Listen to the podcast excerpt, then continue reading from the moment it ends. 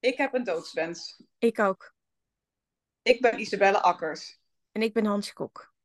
En wij hebben het in de podcast over de wens voor euthanasie bij psychisch lijden. We willen het taboe doorbreken om hier openlijk over te praten. En gaan ook in gesprek met anderen over dit onderwerp. Wij brengen ons rauwe verhaal en je kan ons ook persoonlijk volgen.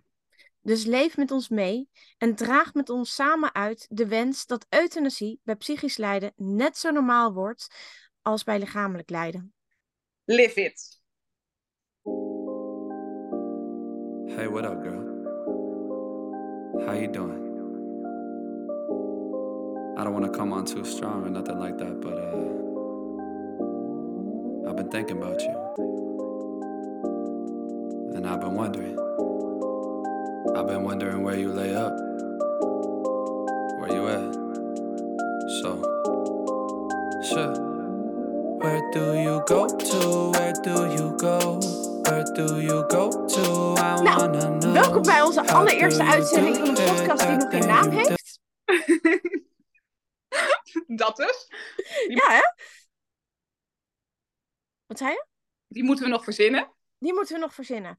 Maar dat we een missie hebben, dat we iets uit te dragen hebben, daar zijn we alle twee van overtuigd. Juist, klopt.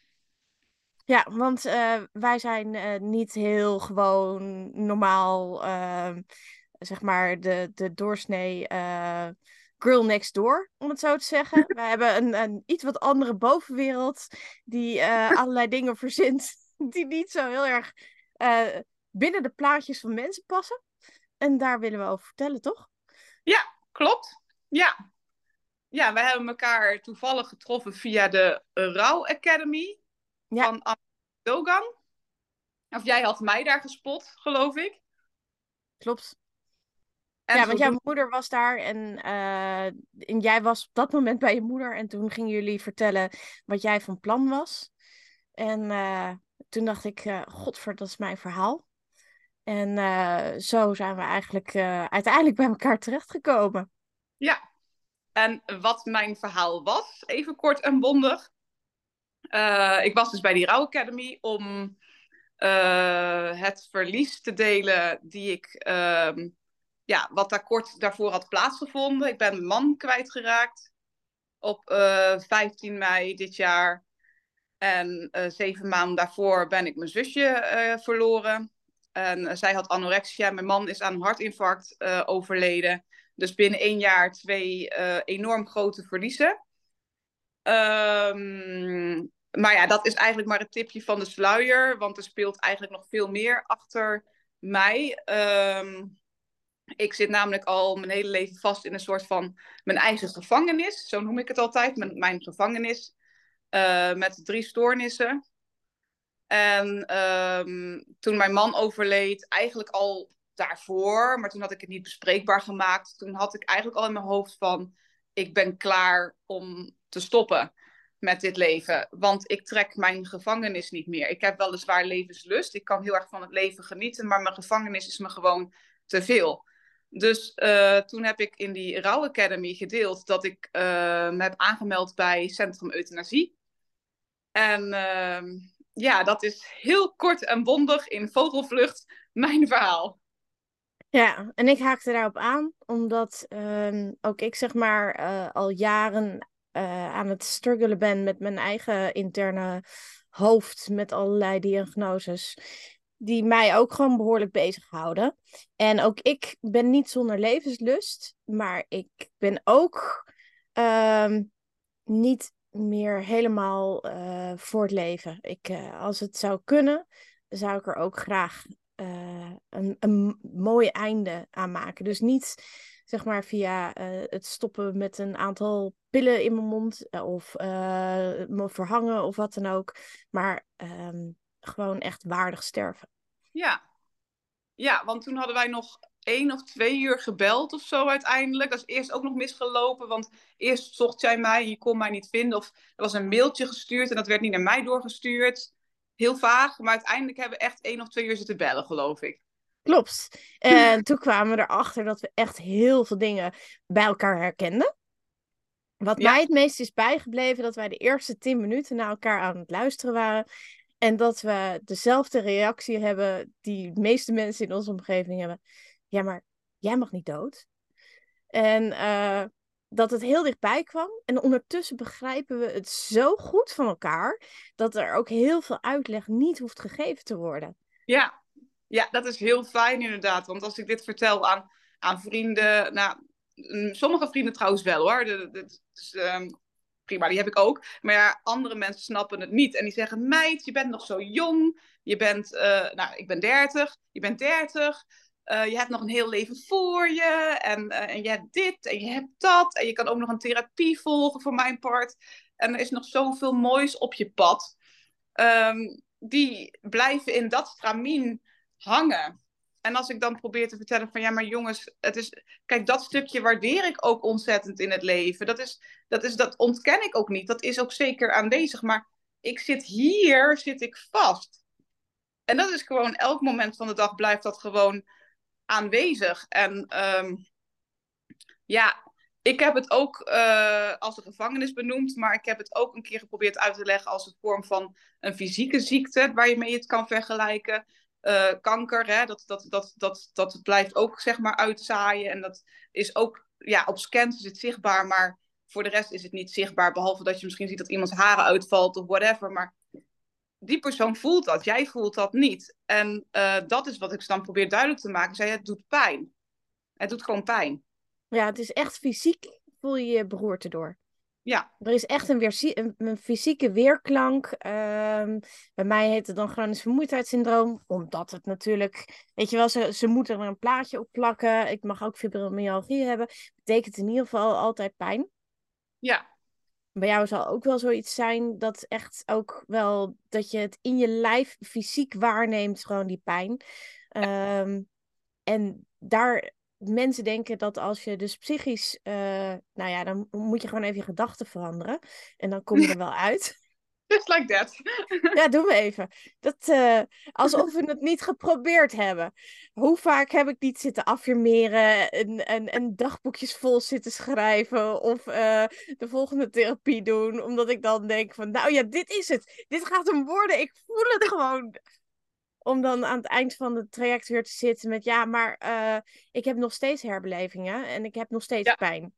En um, ja, en, en, en op de een of andere manier werkt het niet om er vanaf te komen. En nee. Er is nee. op dit moment ook gewoon verder niet zo'n heel erg groot antwoord op. Behalve dan dat ze bij mij nog aan het kijken zijn van, joh, welke mogelijkheden zijn er nog? Ja. Dus daar ben ik wel heel nieuwsgierig naar.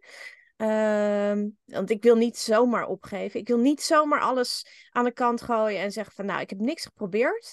En, uh, en nu ga ik gewoon voor het eind. Uh, want jij kwam ook niet op dat punt van en ik heb niks geprobeerd en nu ga ik voor het eind. Jij hebt ook echt tigduizend dingen gedaan. Klopt. Ik denk dat het enige verschil is tussen jou en mij. Ik heb momenteel niks waar ik me aan vast hoef te houden. Hè? Ik bedoel, mijn man, nou, die, die zit al daarboven, of waar boven dan ook is. Uh, mijn zusje ook. Uh, ja, ik heb natuurlijk nog familie en vrienden, die laat ik wel achter, maar ik zit er niet. Ja, dat bedoel ik niet lullig naar hun toe. Ik hou heel veel van jullie. Uh, maar ik zit niet aan ze vast, zeg maar. Dus ik kan mijn keuze nu ook echt maken van ik kan gaan. En jij hebt nog een gezin. En dat is natuurlijk heel moeilijk om dan daarin al een keuze te moeten gaan maken van hè, ga ik ze achterlaten of niet. Daar zit je nog wel aan, aan een enorm koord verbonden. Absoluut. Ja, dus ik vind ook dat mijn overwegingen niet zomaar zachtzinnig mogen zijn of lichtzinnig. Of dat je denkt van nou, uh, ja, nou ja, de, de, de, omdat ik dit wil, doe ik dat. Dat, dat is niet zeg maar hoe het werkt. Het is ook niet hoe ik in elkaar zit. Uh, nee. Dus uh, ja, maar als je heel diep down gaat kijken bij mij van binnen, dan is er zo'n wens om gewoon aan alles een eind te maken en gewoon te denken van jongens, mag ik alsjeblieft rust? En ik denk dat jij die kent. Ja, ja nou ja, die blijft elke minuut van de dag bestaan inderdaad. En het is ook heel paradoxaal, want um, om mezelf op een positieve manier af te leiden, ben ik dus veel aan het dansen per week. En dan lijkt het, ook voor mensen aan de buitenkant die kijken, oh, wat is ze gelukkig. En uh, hè, nou, op dat moment, ik geniet ook oprecht van het dansen. Maar te, terwijl ik daar plezier aan het hebben ben, is in mijn hoofd die drie stoornissen, um, die zijn gewoon aan het ruzie maken. Dus het is echt niet dat ik dan volledig rust heb. Ik heb misschien iets meer rust dan wanneer ik niet dans in mijn hoofd. Maar het blijft gewoon één grote oorlog. En dat is, nou dat is dodelijk vermoeiend. Letterlijk en figuurlijk. Ja. Ja, ik, uh, ik weet wel eens dat als je met mensen ooit een keer gesproken hebt. Ik, ik vond dat altijd zo passend. Uh, mensen kunnen niet aan de buitenkant zien dat het slecht met je gaat. Dus uh, die hebben al hun conclusie klaar. Het gaat goed met je. Ja. Um, en als je dan eens een keer verteld hebt van ja, nou ja, het gaat niet zo goed of wat dan ook. En je ziet ze een paar maanden later en ze zegt dan, uh, heb je eigenlijk nog steeds last van dat, uh, dat, dat ene, weet je wel? ja, dat... ja, nee, ik dacht gewoon gisteren, dacht ik, nou, ik gooi gewoon mijn PTSS de prullenbak in en dan komt het wel goed. Als dat kon, hè? Ja, dat meteen. Zo... Ja. Ja, echt. Ja. Alleen ik zou ook niet helemaal weten hoe ik dan moet leven. Want dat zou ik dan wel opnieuw moeten uitvinden.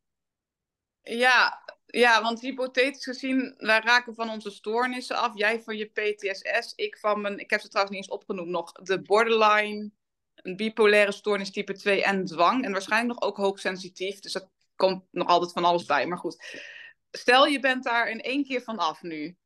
Ja. Wat zou je nu doen? ik zou zo graag willen dat ik dan energie heb. En dan, uh, ik weet het niet, eh, misschien een feestje geven, omdat je dan energie hebt om te organiseren. Oh ja, een feestje, ja. Ja, dat lijkt me cool. En dan zonder dwang. Want mijn dwang gaat overal altijd doorheen. Dus dan kan ik een feestje organiseren zonder dat daar een dwangmatige uh, tik aan hangt. Ja, en ik kan het gewoon nog in mijn hoofd coördineren. Dat als het meer dan drie ingrediënten heeft, begrijp ik het nog steeds. Ja, dat klinkt wel als vrijheid. Ja, hè? Ja. ja. Alleen aan de andere kant, en dat is misschien ook heel raar, um, maar dat ben ik de laatste weken met name gaan realiseren.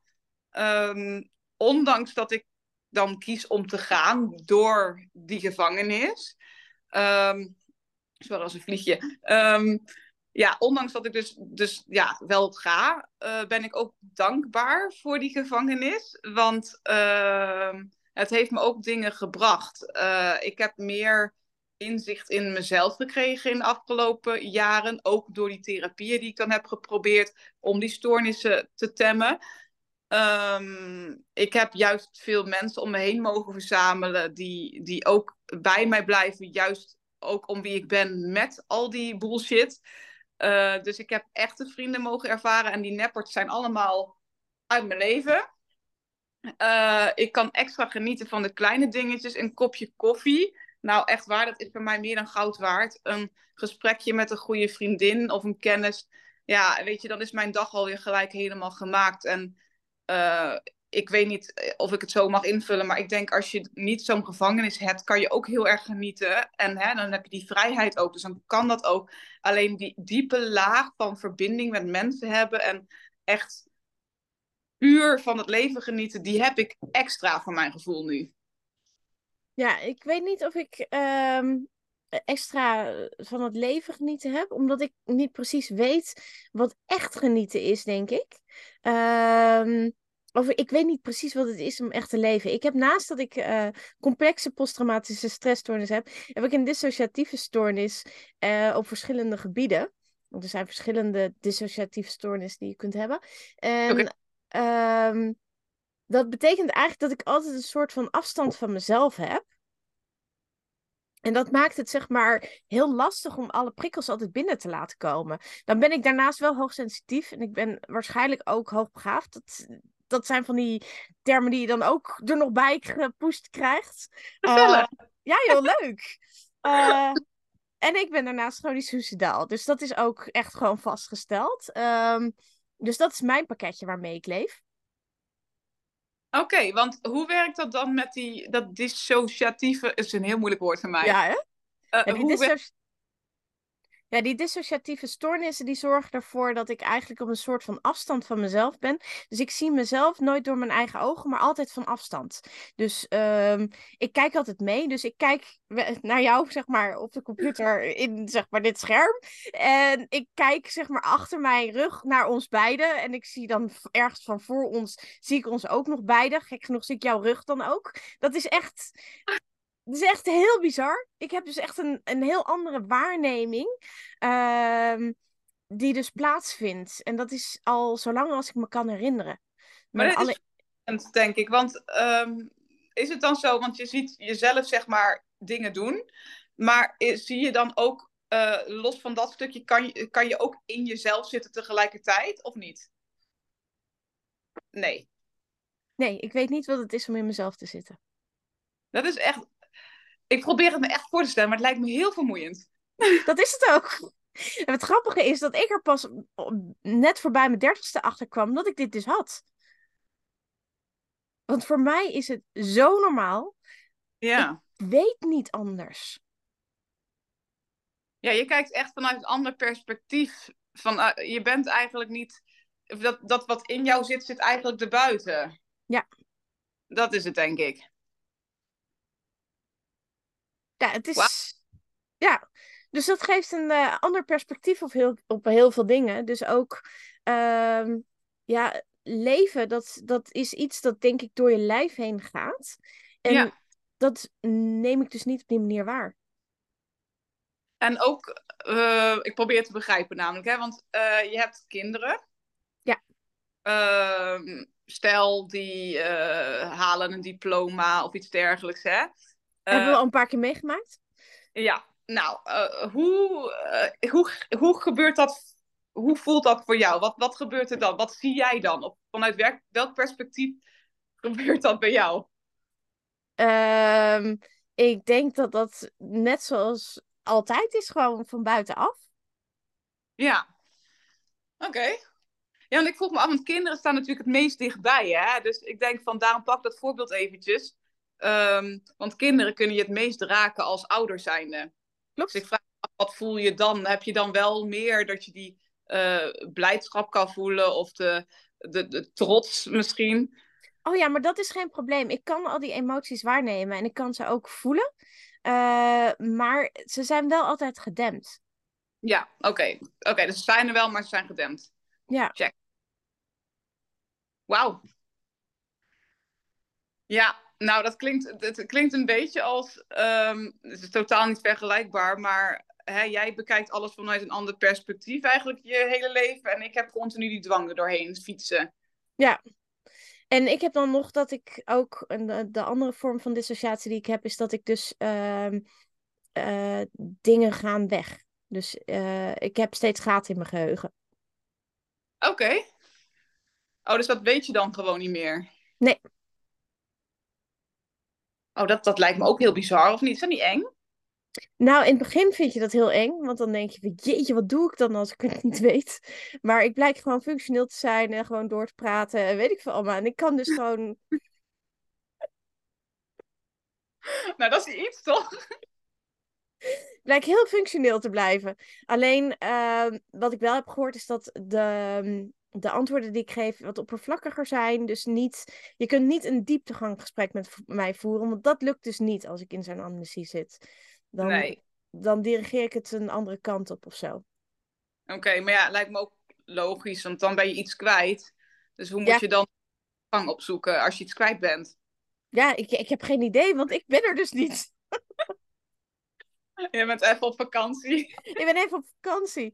Ja, nee. En ik heb zelfs het trucje tegenwoordig. En dat is echt een, een vriendin van mij die zegt: Ik ga met jou de bühne op. Dit is echt gewoon zo'n leuk trucje. Dit wil ik gewoon aan iedereen laten zien. Maar ehm, als je mij eh, benadert van achteren en je legt een hand op mijn schouder, dan eh, val ik flauw. Dan zegt mijn Niet lijf. waar. Het is ook een vorm van dissociatie. Waarvan je denkt van, nou ja, leuk. Nou, dan lig ik op de grond. En dan moet ik daar weer van wakker worden. En het kost heel veel Ja. energie. Ja, Dan als je wakker wordt, want ik bedoel, dan, dan zit je, ben je opeens ergens en denk je, wat de fuck, waar ben ik? nee, dat valt eigenlijk best mee. Ja? Ja. ja, ik ben niet zo gedesoriënteerd. Omdat ik natuurlijk al heel erg weet hoe ver ik van mezelf afsta.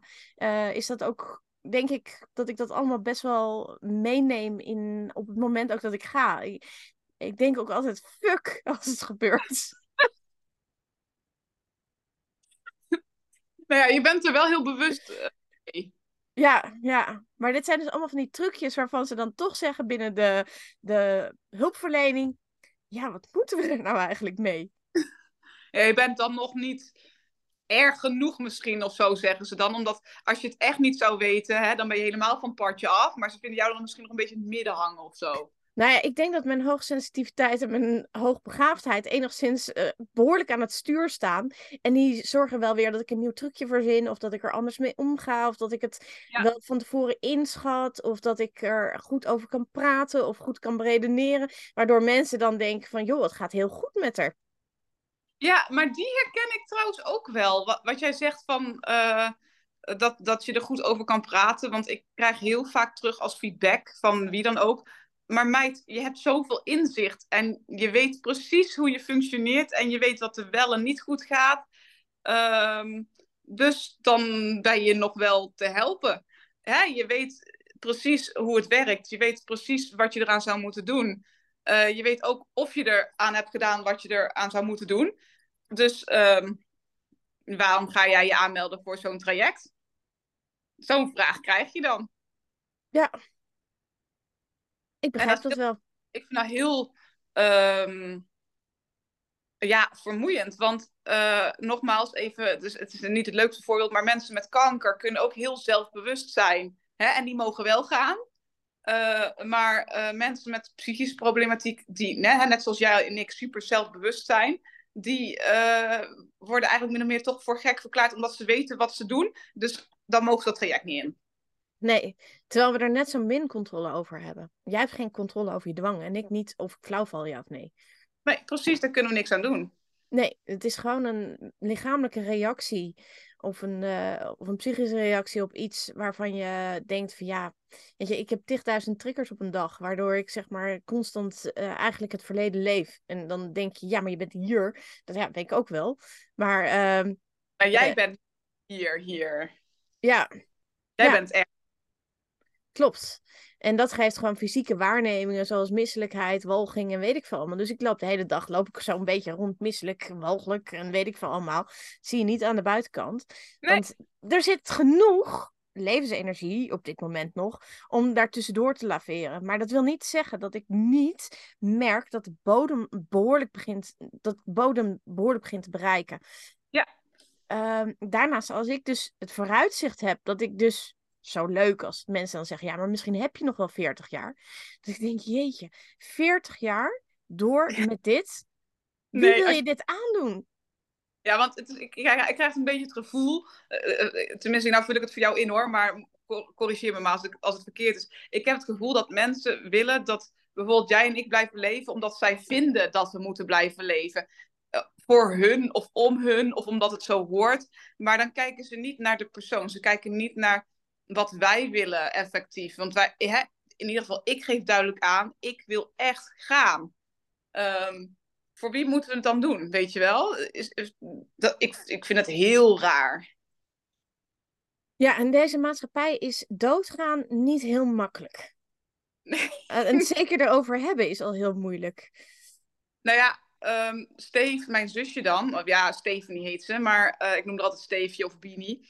Uh, die heeft dan elf jaar lang anorexia gehad. En dat is echt een perfect voorbeeld, vind ik uh, ook.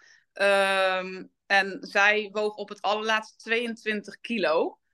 En, um, ze had de laatste week behoorlijk veel last van fysieke en uh, psychische pijnen. Alles tegelijk. En het was, het was niet om aan te zien. Want um, die meid die moest versterven om te gaan. Er was voor haar geen andere optie. Want de, de, het traject waar ik in ga, dat hele proces met Centrum Euthanasie, dat, dat, dat heeft een protocol van een x tijd. Dat kan met gemak twee jaar duren. Dat is nu ook volop in het nieuws, uiteraard. Maar daar kon zij niet op wachten twee jaar lang. Dat was voor haar gewoon uit en boze. Die, die, die crepeerde van de pijn.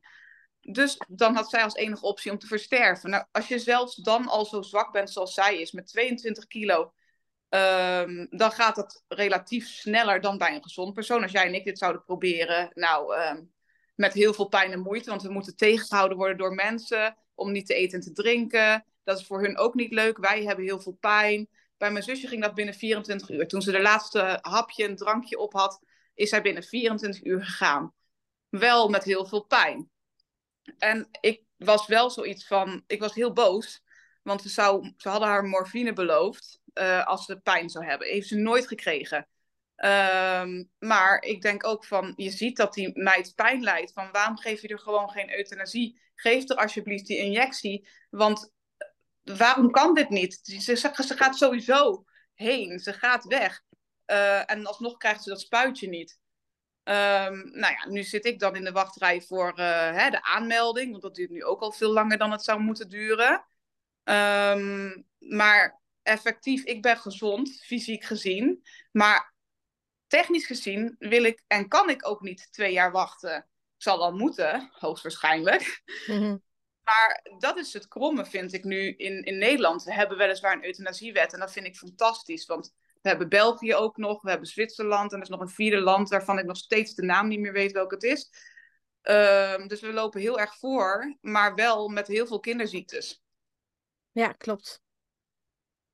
Dus, en dit is ook een van de redenen waarom wij deze podcast starten, toch? Om niet om over onszelf te klagen hoe ontzettend vervelend wij het hebben, maar vooral ook om aan de kaak te stellen dat het gewoon in Nederland, ondanks dat we dus zo'n prachtige wet hebben en ondanks dat we zo'n prachtig expertisecentrum hebben voor euthanasie, er nog steeds heel veel um, haken en ogen liggen in dit traject. Um, we hebben ook nog steeds, want uh, bij fysieke ziektes is het nog steeds makkelijker om euthanasie aan te vragen. Terwijl voor psychische ziektes is het eigenlijk nog steeds best wel heel ingewikkeld. En je moet echt tot het uiterste willen gaan om dat dan ook uiteindelijk uh, die euthanasie te krijgen. Juist. En um, er zijn voorstanders en tegenstanders te vinden binnen de zorg. Um, en wat ik leuk zou vinden is als wij, uh, en dat is ook de reden wat jij, wat jij ook leuk vindt, de reden waarom we eigenlijk zeg maar dit starten, is dat we in gesprek gaan met mensen over um, euthanasie. Over uh, euthanasie bij mentale problemen. Uh, of eigenlijk met mentaal uitzichtloos lijden. Ja, precies. Ja, en alle voor's en tegens omtrent dat traject. Uh, ja, de voorstanders, tegenstanders. En wanneer is iets uitzichtloos, bijvoorbeeld, is ook wel een hele goede. Ja, ja. bepaald. Zeker. En dat is natuurlijk uh, waar we ons hard voor willen maken, toch? Ja. Als we nog een inspanning willen doen en nog iets willen bereiken, dan is dit het. Ja. Dat er in ieder geval over gesproken wordt. Dat we niet een uh, achterkamertjes blijven zitten met, uh, ja, nou, ik ben chronisch suicidaal, misschien moet ik toch maar voor een trein springen. Of uh, terwijl uh, ik, omdat je gewoon uitzichtloos naar voren kijkt en denkt, dit wordt hem nooit meer. En hoe fijn zou het dan zijn als je gewoon met iemand kan praten, die ja. gewoon met jou gaat kijken van, joh, hoe uitzichtloos is het? Um, ik weet dat sinds ik over dit onderwerp echt ben gaan praten, dat um, er een heleboel veranderd is in mij. Ik voel me krachtiger, ik voel me levendiger, ik voel me um, uh, zeg maar meer in staat om dingen goed onder woorden te brengen. Ik voel me meer in staat om duidelijk zeg maar, eigenlijk de richting aan te geven. En ik denk dat dat ook ontzettend fijn is als we dat voor heel veel mensen kunnen betekenen dat je je mag gaan uitspreken. Niet meer in die schaamte van het achterkamertje. Niet meer alleen zitten met die gedachten. Want dat is volgens mij een grootste bottleneck. Ja, zeker. En uh, kleine toevoeging denk ik erbij. Want uh, uh, zo'n centrum euthanasie helpt ook juist voor de mensen die uh, in eerste instantie denken dat, dat, hè, dat, dat doodgaan de enige optie is. Maar je ziet ook heel veel, dat, dat heeft Centrum Euthanasie me ook zelf aan de telefoon verteld, dat er ook heel veel mensen zijn die juist dankzij dat traject weer kiezen voor het leven. Dus dat is juist super mooi eraan. Uh, en ook minder treinspringers met alle gevolgen van dien. Dus uh, dat vind ik ook wel heel mooi als je dat, dat, dat wat meer bespreekbaar wordt gemaakt. Want dan lost dat al nou, de helft wil ik niet zeggen op, maar het lost een klein deel lost het wel al op. Zeker. En uh, we hopen natuurlijk ook wel steeds aan het licht te brengen dat er echt op dit moment een ongelofelijke wachtlijst is bij Expertisecentrum voor Euthanasie. En of je nou uh, uiteindelijk de euthanasie wel doorzet of niet doorzet. Op dit moment is er een wachtlijst van twee jaar of bijna drie jaar. En dat is uh, omdat ze gewoon de aanvraag niet aankunnen. En er moet gewoon ook meer expertise uh, daar naartoe gaan. er moeten meer mensen bereid zijn om daarvoor te willen gaan werken, zodat de wachtlijsten opgeruimd kunnen worden. En ik denk dat daardoor het ook heel belangrijk is dat dit soort verhalen gewoon alsjeblieft naar buiten komen. Dat mensen ook zeggen van ja, weet je, er is misschien uh, voor jou een sneller traject, waardoor alles wat jij in je hebt en al die zekerheid die je hebt, dat die gewoon ook echt kan leiden tot een ontzettend mooi en humaan einde. Ja. En voor mij is het misschien dat het ook daar eindigt, of dat het juist eindigt in zeg maar nog meer leven, weet ik niet. Ik, ik heb het besluit niet helemaal genomen. Ik heb alleen het besluit genomen als ik nog drie, vier jaar lang door moet gaan zoals ik in deze staat ben, dat trek ik niet. Nee, dat is too much. Dat is too much. Dat, ja. Dat gun ik niemand. Nee, nou ja, same hier. En um, wat ik heel mooi zou vinden, dat is mijn conclusie aan dit verhaal. Um, ik heb een bucketlist en dit staat op mijn bucketlist om dit bespreekbaar te maken. Want of ik nou wel of niet snel geholpen word en of hè, geholpen kan worden überhaupt. Ik, ik duim van wel uiteraard. Het, het gaat mij meer om de mensen die na mij komen of nu al met mij in dat proces of traject zitten. Dat die straks in de toekomst veel beter en makkelijker en sneller geholpen kunnen worden. Dat is het doel voor mij in ieder geval van deze vlog. Ja, nou, dat is super mooi. En dat was mijn doel ook. En wij hebben al een aantal mensen bereid gevonden om met ons in gesprek te gaan. Yes. Dus uh, het gaat er komen. Ook met een fantastische naam. Uh, die dus nog verzonnen moet worden. Want, om even heel eerlijk te zijn, uh, we hebben eigenlijk pas nou, drie kwartier geleden bedacht dat het ook echt een podcastserie gaat worden. Ja, precies. En voor nu is het de naamloze podcast. De naamloze podcast, maar wel over een shit onderwerp. ja, dat wordt hem. Check. Maar uiteindelijk willen we niet naamloos gaan.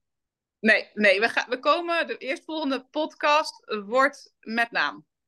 Ja, nou ja, maar eh, even gewoon voor de in mijn hoofd gaat er meteen af, naamloos. Dat, dat is het. Op het moment dat je eigenlijk een soort van kiest voor de dood, maar dan in de groete, in de achterkamertjes door jezelf te verhangen of voor een trein te springen of wat dan ook. Dat is eigenlijk naamloos gaan. dat is wel zo, hè? Ja. Op het moment dat je humaan kan gaan, dan ga jij daar gewoon als Isabel of dan ga ik daar als Hansje. En niet als, zeg maar, uh, oh, maar die zag het leven niet meer zitten. Nou, dan hebben we hem toch? Naamloos, maar dan over een shit onderwerp? Ja, dat wordt hem. Jongens, jullie zijn hier bij de geboorte van de naam. Naamloos, maar dan over een shit onderwerp. Toppie. en ik zou zeggen, tot de volgende uitzending. Uh, ik kijk er nu al naar uit, want uh, uh, ja, ik vind het gewoon echt fantastisch dat we dit kunnen doen. Ja, daar sluit ik me volledig bij aan. Doei doei! doei. do you go to? Where do you go? Where do you go to? I wanna